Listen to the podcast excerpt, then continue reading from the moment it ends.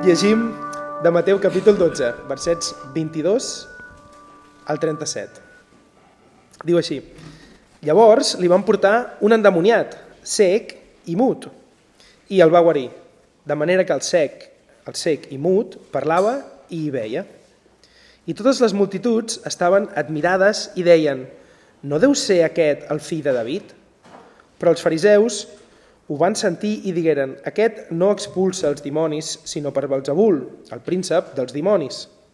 I Jesús, coneixent els seus pensaments, els digué, tot reialme dividit contra si mateix és devastat, i tota ciutat o casa dividida contra si mateixa no se sostindrà.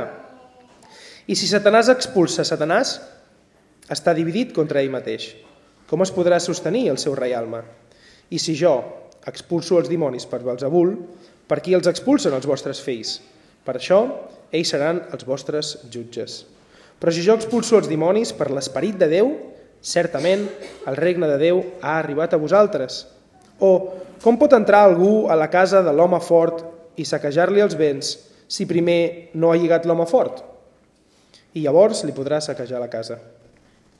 Qui no és amb mi és contra mi, i qui no recull amb mi escampa. Per això us dic, tot pecat i tota blasfèmia seran perdonats als homes, però la blasfèmia contra l'esperit no serà perdonada als homes. I els qui digui una paraula contra el fill i el qui digui una paraula contra el fill de l'home li serà perdonat, però el qui parla el qui parli contra l'Esperit Sant no li serà perdonat ni en aquest temps ni en el que vindrà. O feu l'arbre bo i el seu fruit bo, o feu l'arbre dolent i el seu fruit dolent, perquè l'arbre es coneix pel fruit. Cria d'escurçons, com podeu parlar coses bones a sent dolents? Perquè de l'abundància del cor la boca en parla. L'home bo, del bon tresor, del cor, en treu coses bones. I l'home dolent, del mal tresor, en treu coses dolentes. I us dic que de tota paraula inútil que diguin els homes n'hauran de donar compte en el dia del judici. Perquè per les teves paraules seràs justificat i per les teves paraules seràs condemnat. Amén. Aquesta és la paraula del Senyor. Hola i benvingut al podcast de Ciutat Nova, una església protestant al barri 22 arroba de Barcelona.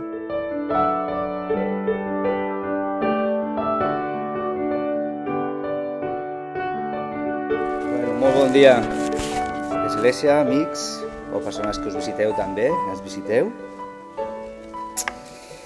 Bueno, de vez en cuando cae un texto fuerte, ¿verdad? Y es parte del consejo de Dios. Tenemos que abrazar estos textos también, tenemos que dejarnos retar y, y confrontar a nosotros mismos también ¿no? con esta palabra, porque aunque sea fuerte, forma parte del amor de Dios hacia nosotros y su misericordia, como vamos a intentar ver el día, en el día de hoy. ¿no? Y como decíamos, ¿no? estamos viendo una serie de respuestas frente a la implosión, diría yo, del reino de Dios en Jesús, Jesús es como una puerta abierta al cielo en la tierra. ¿Y qué está pasando? ¿no? Y vemos especialmente que Mateo se centra muy en especial contra aquello, en aquellas personas que se están confrontando con Jesús, ¿vale? Contra el cielo abierto, digámoslo así, ¿vale? Quisiera preguntar, ¿no? Estamos hablando en un contexto de confrontación. Hace dos domingos también David Burr nos habló de una confrontación en una sinagoga con ese hombre de la mano seca. Y ahora entramos en otra, otra nueva, ¿no?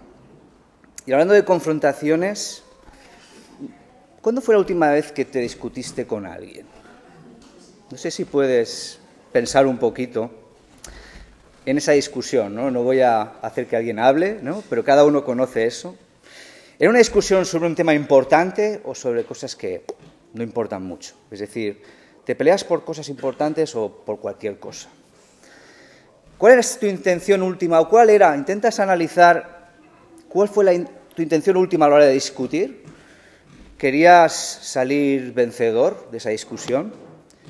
¿Querías defender tu posición personal? ¿O quizás tenías el deseo sincero de ayudar al otro, de reivindicar la verdad, con compasión, honrar a Dios.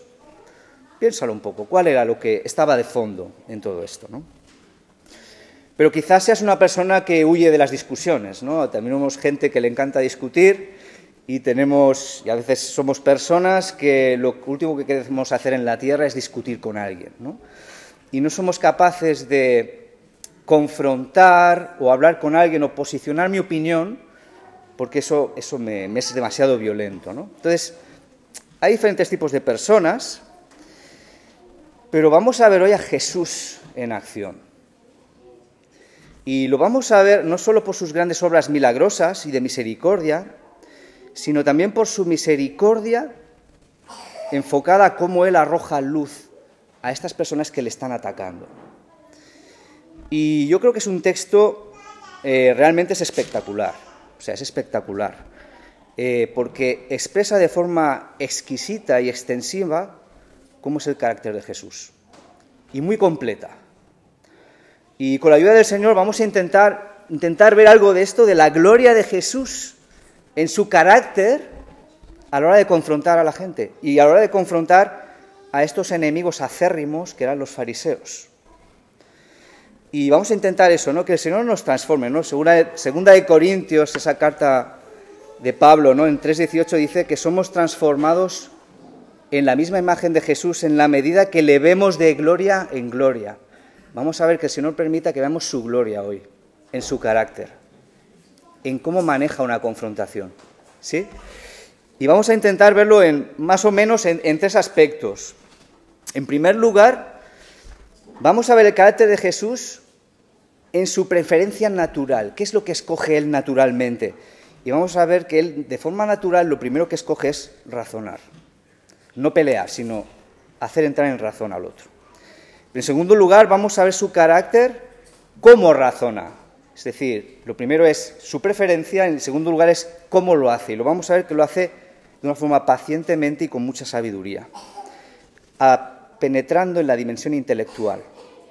Pero en tercer lugar vamos a ver que no se queda ahí, sino que su carácter le lleva a penetrar en la dimensión espiritual del corazón. ¿Vale? Entonces vamos a ver estas tres cosas hoy con el texto que, estamos abordando. Entonces, en primer lugar, vamos a ver qué es lo que escoge Jesús, cómo reacciona ante este ataque, porque no es cualquier cosa lo que los fariseos, los fariseos están haciendo aquí. ¿eh? Vamos a ponernos en situación, vamos a refrescar el texto que hemos leído. En primer lugar, vemos a Jesús que le traen un endemoniado mudo y ciego, ¿vale? y ese milagro impacta de forma especial a la multitud. ¿eh? Si conocéis, los que estáis familiarizados con Mateo, recordaréis que unos capítulos más, más atrás, el capítulo 9, sucede un milagro muy similar con otro mudo y también endemoniado, y las multitudes reaccionaron diciendo, nunca se ha visto cosa semejante en Israel. O sea, pareciera como que en el entorno de Israel de vez en cuando se, daban ciertas sanidades y cierta manifestación del poder de Dios, pero por alguna razón esta clase de manifestación era, jamás hemos visto algo así. Esto desborda lo que, lo que hemos visto hasta el día de hoy. Es único. Y en el caso de un mudo endemoniado. Ahora, en paralelo, en el texto de hoy, el capítulo 12, parece algo similar. Pero sin embargo, la reacción de la gente va un poquito más allá. Es como que está empezando a llegar a una conclusión interesante. Fijaros lo que dice el versículo 23. ¿No será él este el hijo de David? O sea, después de todo lo que estamos viendo que está haciendo este hombre, todas las señales, los milagros, la enseñanza con autoridad, el compromiso con la verdad, la misericordia que tiene, oye, después de este cúmulo de evidencia ¿no será este el hijo de David? Qué gran pregunta, ¿verdad? Y qué gran conclusión a la que están empezando a llegar. Es decir, dicho de otra manera, para los que no estemos familiarizados con esto de hijo de David, ¿no será este el Mesías? ¿No será, ¿No será este el Salvador del mundo que ya prometió Dios en aquellos escritos del Antiguo Testamento, esa parte, la parte más primaria de la Biblia, la primera, por medio de los profetas, ¿no? Porque si realmente es Él, y si es el Hijo de Dios, tenemos que acomodar toda nuestra vida a esa persona. Así que parece, da la sensación, ¿verdad?, que Jesús estaba cumpliendo ese propósito, y ciertamente así era, como dice las hermosas palabras de Lucas 19:10, ¿no? Yo he venido a buscar y a salvar lo que se había perdido. Y esta gente estaba llegando, esa multitud, a esa conclusión. Bien, este es el escenario, pero ¿qué pasa ahora? ¿Qué está pasando? De repente, ¡pam!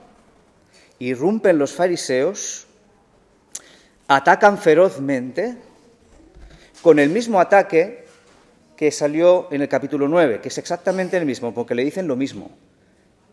Si éste expulsa a los demonios, es por el príncipe de los demonios, ¿eh? no es por Dios, no, es por su enemigo acérrimo, el diablo. ¿no? no es la primera vez que lo dicen. Lo vemos en capítulo 9 y lo volvemos a ver ahora en el capítulo 12, ¿no? Lo que pasa es que en el capítulo 9 parece que Jesús no, no se enzarza en una, enzarza en una confrontación. Pero ahora lo va a gestionar de manera diferente. Y es lo que vamos a ver hoy.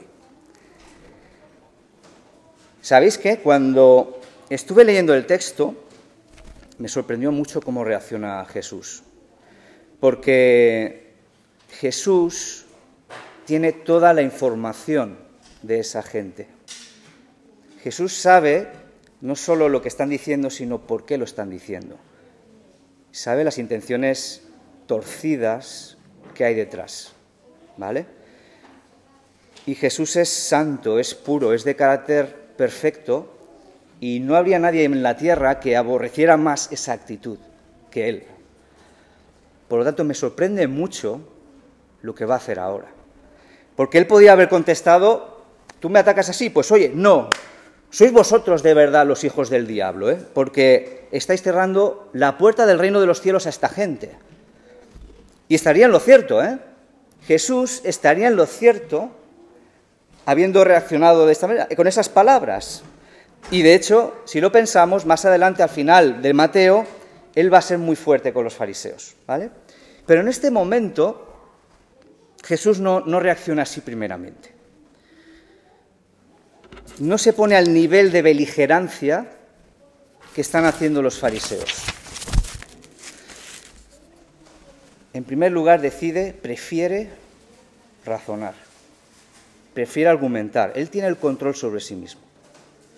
Su carácter manso y misericordioso le lleva a mirarles y decir, mira, quiero deciros algo y va a abordar primero la dimensión intelectual. ¿Os acordáis del texto que nos predicó Rubén el domingo pasado, no? Sobre el carácter del siervo. Os lo leo en la versión catalana, esos, esos tres, cuatro versículos. Dice Mateo 12, 18, Aquí teniu el meu servent, que jo he escollit, el meu estimat, en qui m'he complagut. Posaré damunt d'ell el meu esperit perquè porti la justícia a les nacions. No disputarà ni alçarà la veu, no la farà sentir pels carrers, no trencarà la canya escardada, ni apagarà el ble que vacila fins que faci triomfar la justícia, i les nacions posaran l'esperança en el seu nom.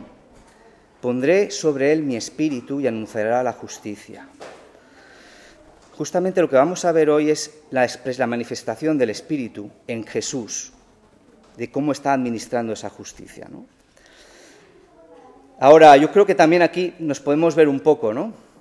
Eh, hemos empezado con unas preguntas sobre cómo somos, cómo reaccionamos, ¿no? ¿Cómo reaccionamos ante un ataque injusto hacia nosotros? ¿no? Somos como Jesús, que Él prefiere, toma la preferencia de razonar antes de que contraatacar. ¿Cómo somos? Pero también, ¿cómo pensamos sobre Jesús en cuanto a nosotros. ¿no? Yo no sé cuál es tu vida hoy ni cómo estás en cuanto a tu relación con Dios. Quizás odias a Dios, no lo sé. Quizás estás harto de la vida, dices la vida, ¿no? Pero cuando alguien está enfadado con la vida, en un sentido está enfadado con Dios. Pues sabes, Jesús viene a ti razonando. Quiere entrar en diálogo. Quiere contrastar lo que piensas y hacerte entender. Quiere arrojar su luz sobre ti. Ven a Jesús. Entra en diálogo con Él. Él quiere entrar en diálogo contigo, primeramente. Y es lo que va a hacer Jesús con estos enemigos que están haciendo algo gravísimo que vamos a ver a continuación. Así que, en segundo lugar, vamos a ver cómo Jesús razona pacientemente penetrando en esa dimensión intelectual, ¿vale? Llamémosle así. Y lo hace de tres maneras. En primer lugar, revela un poco el sinsentido de lo que están diciendo los fariseos. Los fariseos han soltado ahí una frase que está sacando los demonios por el poder del príncipe de los demonios, ¿no? Pues va a revelar ese sinsentido. En segundo lugar, va a exponer a los fariseos a su propio argumento. Ah, si decís eso, pues entonces, por lo tanto, hay un problema también con vosotros. Y en tercer lugar, va a concluir con la verdad, ¿no? El sinsentido, vamos a ver primeramente, porque el texto es amplio y no da para, para demasiado, pero Jesús, fijaros que qué razonamiento tan, tan sólido, tan contundente que es, que habla de los reinos, ¿no? Dice, a ver, si un reino lucha contra sí mismo, ¿puede prevalecer? Es decir, si un reino se, eh, se enfoca en su propia destrucción, no tiene ningún sentido, ¿verdad?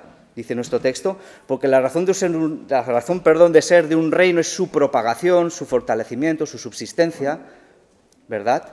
Todo lo contrario es actuar contra sí mismo. Entonces, ¿en qué, ¿por qué Satanás va a expulsar a Satanás? ¿no? tiene ningún sentido. Eso es lo primero que argumenta Jesús. Y debería hacer reflexionar a los fariseos, a ese nivel. ¿no? no solo a los fariseos, Jesús también lo está haciendo por la gente que está escuchando.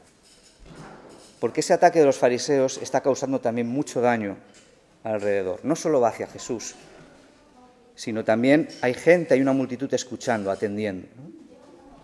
Pero en segundo lugar, fijaros, expone a los fariseos a la luz del propio argumento de ellos. Es decir, vale, decís que yo expulso demonios por el príncipe de los demonios. Vale, ¿y cómo lo hacen vuestros seguidores? ¿No? Porque en aquel tiempo se practicaba el exorcismo eh, también, y los discípulos de los fariseos, la palabra es hijos, pero seguramente hace referencia a los seguidores de los fariseos.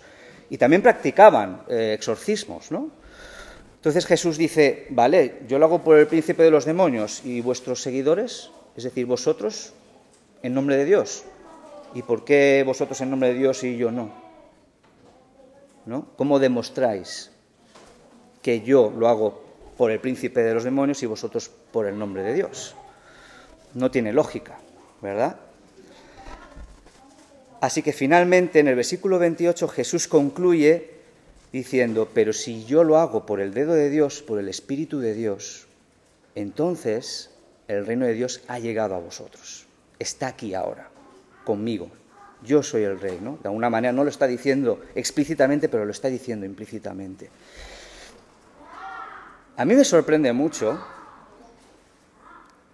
eh, esa capacidad de Jesús, en un contexto donde la gente, hay multitud escuchando, hay unos atacantes, que Él tenga la capacidad, la entereza, la fortaleza y la sabiduría de razonar de esta manera, a tiempo real. ¿No os parece increíble?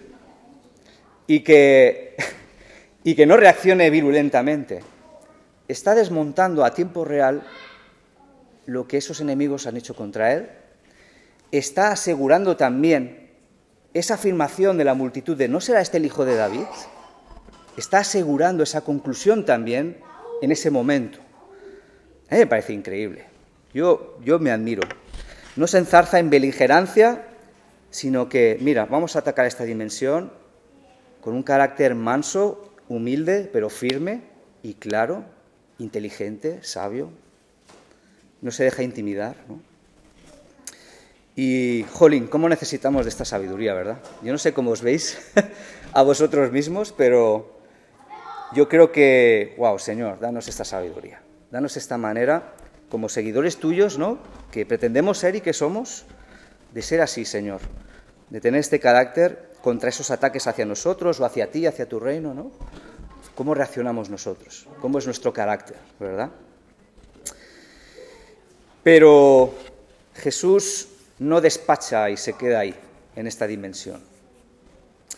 Porque vamos a ver ahora en tercer lugar que Jesús penetra aún más fondo, aún más a fondo, que es en esa dimensión espiritual, en esa dimensión del pecado y de unas consecuencias muy serias.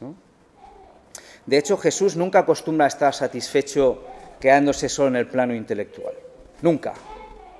El plano intelectual es el puente para saltar al otro. Es para desbloquear cosas en nuestra mente para llegar a donde Él quiere llegar, que es al corazón, que es a la raíz del problema. Y eso es el interés real de Jesús. Y aunque va a decir cosas muy fuertes, porque son muy fuertes, si no las dice, también es falta de misericordia. Es que si no revela la verdad, ¿qué instrumentos hay para arrepentirse? Si no revela la gravedad del pecado que ellos están teniendo, ¿no? Y que quizás podemos albergar nosotros, tú y yo hoy, ¿verdad? Así que pasamos a esa, llamemos de tercera dimensión, ¿no? Penetrar en la dimensión espiritual y Jesús lo va a hacer en medio de esa analogía del fruto y el árbol. ¿eh? Va a ir desde el fruto hasta el árbol. Va a ir desde las obras hasta el ser. Va a denunciar lo que hacen para decir luego lo que son. ¿Vale? Y ahí concluye un poco su, trabajo, ¿no? su, estrategia de confrontación. ¿vale? Jesús dice, versículo 30, llega a esta conclusión. Si yo he venido a traer el reino de Dios y no estáis conmigo, estáis contra mí. Ahora está ya entrando en ese plano de vuestras obras. ¿Qué estáis haciendo? Ya no solo el plano intelectual, os equivocáis a la hora de razonar, sino por qué lo estáis haciendo. ¿Habéis visto lo que estáis haciendo? Si no estáis recogiendo conmigo, si el reino de Dios ha venido y no colaboráis conmigo, estáis haciendo lo contrario, no hay neutralidad aquí. Y si os oponéis a mí, el que no recoge, dice el texto, versículo 30, desparrama, echa a perder, ¿no? Esparce ahí las, la cosecha, ¿verdad? Así que en primer lugar denuncia eso. Cuando estáis diciendo que obro por el poder del diablo, estáis haciendo que esta gente que está llegando a una conclusión correcta empiece a dudar aquello que empezaba a, crear una fe en Jesús, dan un paso atrás. Uf, ¿y si es verdad que lo hace por el poder del diablo? ¿no? Están desparramando la cosecha, ¿vale? Así que en primer lugar denuncia estas obras de los fariseos. No estáis recogiendo conmigo, no estáis colaborando para el reino de Dios. Pero es que Jesús va increciendo. ¿eh? ¿Sabéis esta expresión de música, ¿no? Creciendo. Pues va creciendo, ¿eh? no se queda ahí. Como hemos dicho, es un texto fuerte. Pero es que además les dice, ya no solo en relación con la multitud, sino que vosotros mismos estáis poniendo en peligro gravísimo a vuestras almas. Porque dice el texto, estáis blasfemando contra el Espíritu Santo, versículo 31, ¿no? Y claro, lo que dice aquí es muy fuerte porque dice, mira, todo pecado que digáis contra mí será perdonado, pero el pecado contra el Espíritu Santo, la blasfemia contra el Espíritu Santo, no será perdonada ni en este siglo ni en el venidero, ¿verdad? Esto nos choca bastante, ¿no? Porque acostumbramos a hablar del, amplísimo perdón del Señor Jesús, de Dios en Cristo, de su gracia. Entonces, un texto como este, donde dice, uy, y aquí no hay perdón, ¿no? Pues nos cuesta de digerir. de digerir. Pero mirad, la idea aquí, la blasfemia contra el Espíritu Santo, no es simplemente un insulto al aire. ¿eh? No es, mira, un día me da por blasfemar y blasfemo. No tiene que ver con esto. No tiene que ver con un ataque tampoco de dimensión puramente intelectual, no. ¿Os acordáis que hemos dicho antes que Jesús lleva mucho tiempo ejerciendo su ministerio, lleva tiempo ya confrontando a los fariseos, haciendo obras de poder en medio de ellos, pero ellos, los fariseos, que deberían ser los primeros en reconocerle por su conocimiento de las escrituras, por ellos mismos ostentar una fe, una religión, están siendo los últimos, y no solo los últimos, sino los enemigos de Jesús.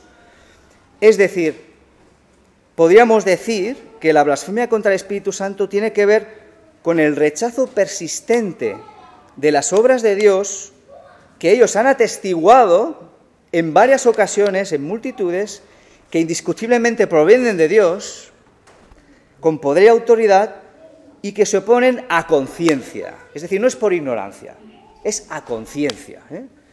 Y lo demás, no solo eso, sino que lo retuercen y dicen que es obra del diablo. Entonces, esa actitud te autoposiciona fuera, fuera del perdón de Dios. Es, es que te autoexcluyes de esa manera. Y es lo que está diciendo Jesús aquí. Llegáis al punto de blasfemar porque hay una resistencia tan fuerte en vuestro corazón. Se ha llenado de eso y por tanto sale por tu boca, ¿no? Que es lo que dice la abundancia del corazón, habla la boca. Que habéis acumulado esa resistencia que es que no tiene, no tiene remedio. No tiene remedio. Así que si persistís ahí, no, es que no habrá perdón, porque os autoexcluís de la misericordia de Dios del perdón de Dios. Y esto es fuerte, ¿no? Esto es fuerte. Yo creo que también nos debemos examinar ¿no? a nosotros mismos y velar por nuestro corazón, ¿no? Estamos resistiendo a las obras del Espíritu, estamos, el Señor nos está haciendo ver cosas muy claras y no es que pasen por delante de nosotros y no nos demos cuenta, no, no es que yo las veo, sé que son y me resisto y no quiero y persisto hasta el fin en esta actitud de ceguera, ¿vale? Y ir en contra de Dios. Frutos, estamos hablando de los frutos, las obras de los fariseos, y ahora Jesús va a llegar a la parte fuerte, aún más, podéis decir, aún más fuerte, ¿no? Poco más, ¿no? Pero ahora va a llegar al árbol, está hablando de sus frutos, de sus obras. Y ahora va a lanzar esta frase lapidaria, ¿no? Camada de víboras. Versículo 34, ¿no? Víboras, ¿cómo podéis decir cosas buenas vosotros que sois malos? ¿Vale? Ha llegado el árbol. Árbol malo da fruto malo, árbol bueno da fruto bueno. Fijaros, ¿habéis visto el recorrido de Jesús hasta ahora?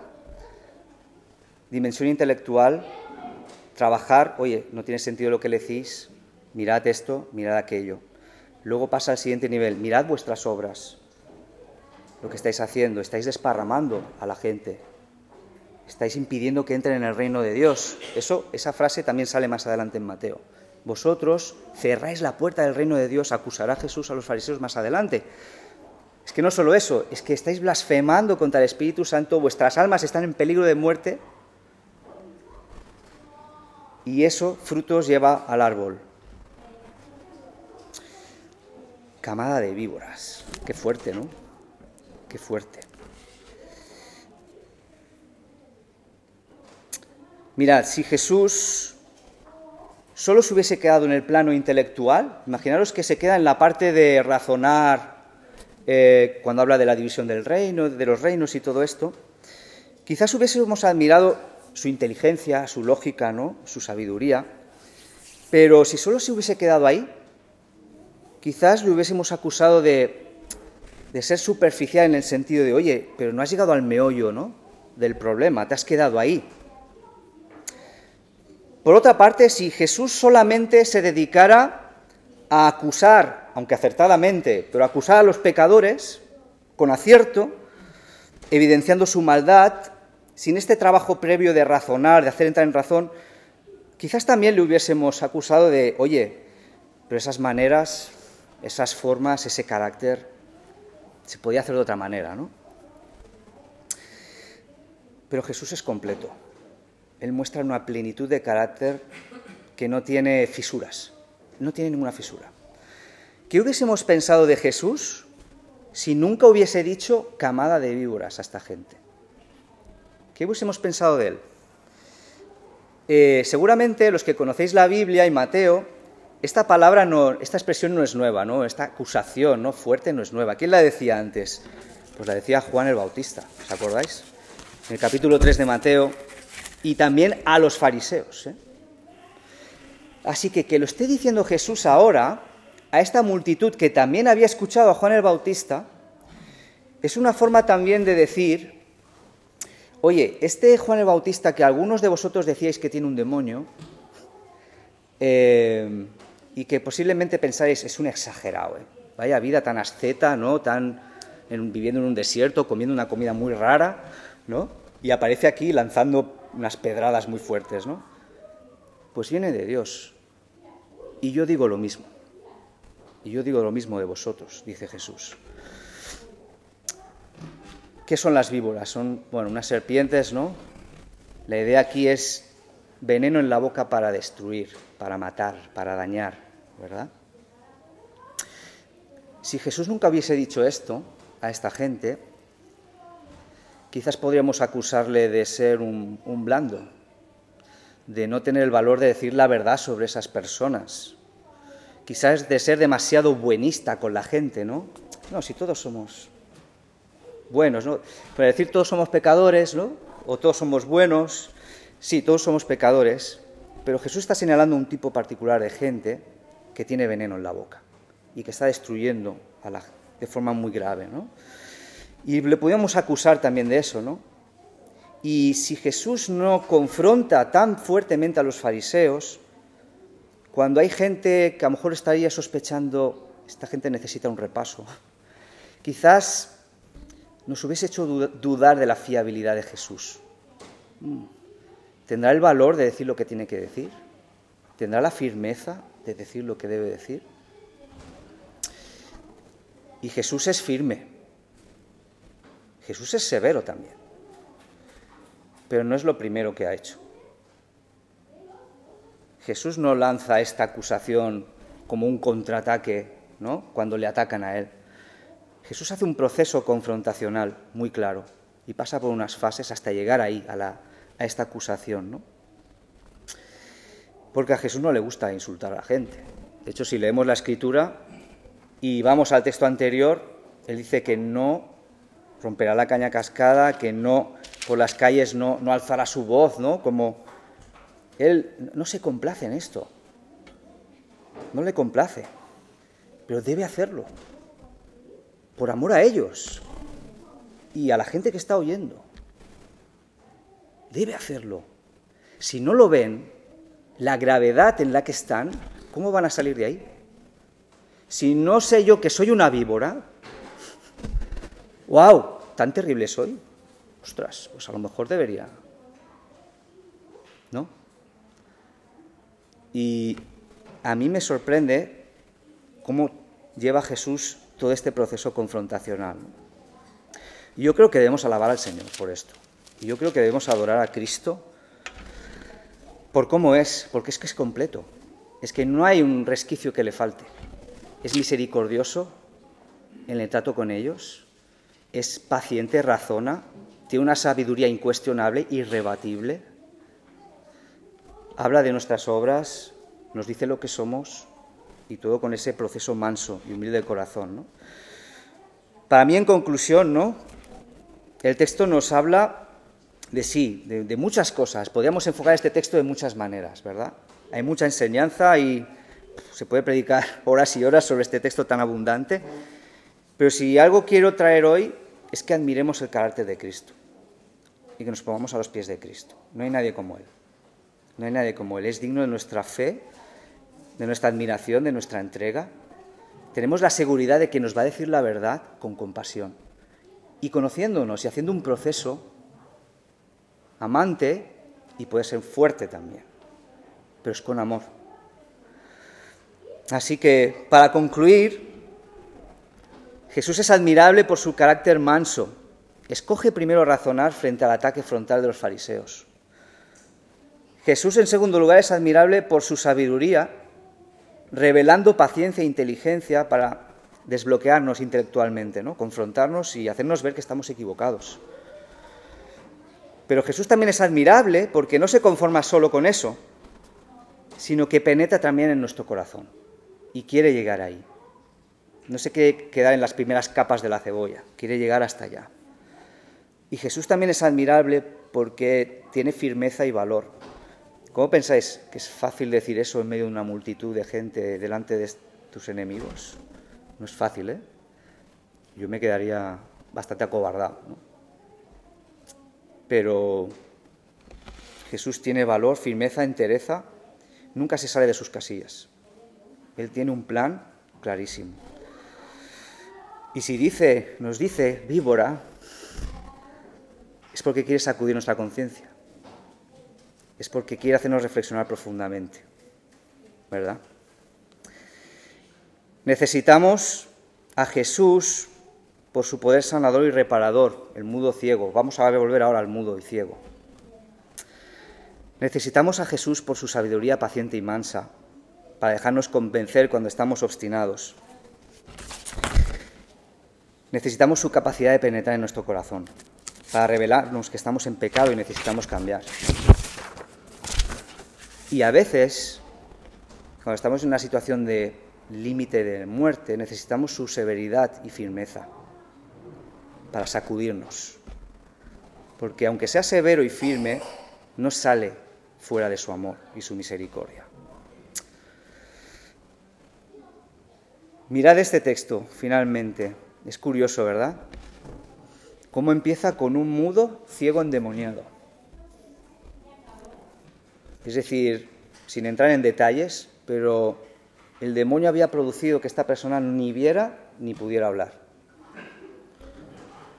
Y es curioso que quien estaba ciego espiritualmente eran los fariseos. ¿no?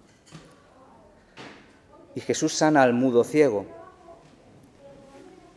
Seguramente, ah, no recuerdo, el texto no dice exactamente cómo lo hizo, pero solamente fue un gesto, un tocarle, algo. Pero Jesús se explaya el Evangelio de Mateo en intentar sanar a los fariseos por su poder, por su gracia, por su sabiduría, por su firmeza. Y es curioso que el texto tiene mucho que ver con las palabras. Dice que acaba diciendo ¿no? que por aquello que dices te salvarás y por aquello que has dicho te condenarás. Y me hace pensar que es mejor ser mudo que decir palabras que te van a condenar. Es curioso, ¿no? Que empiece con un mudo ciego cuando realmente los que están ciegos son los fariseos, con una ceguera más profunda, más difícil de curar, porque involucra mi responsabilidad humana delante de Dios.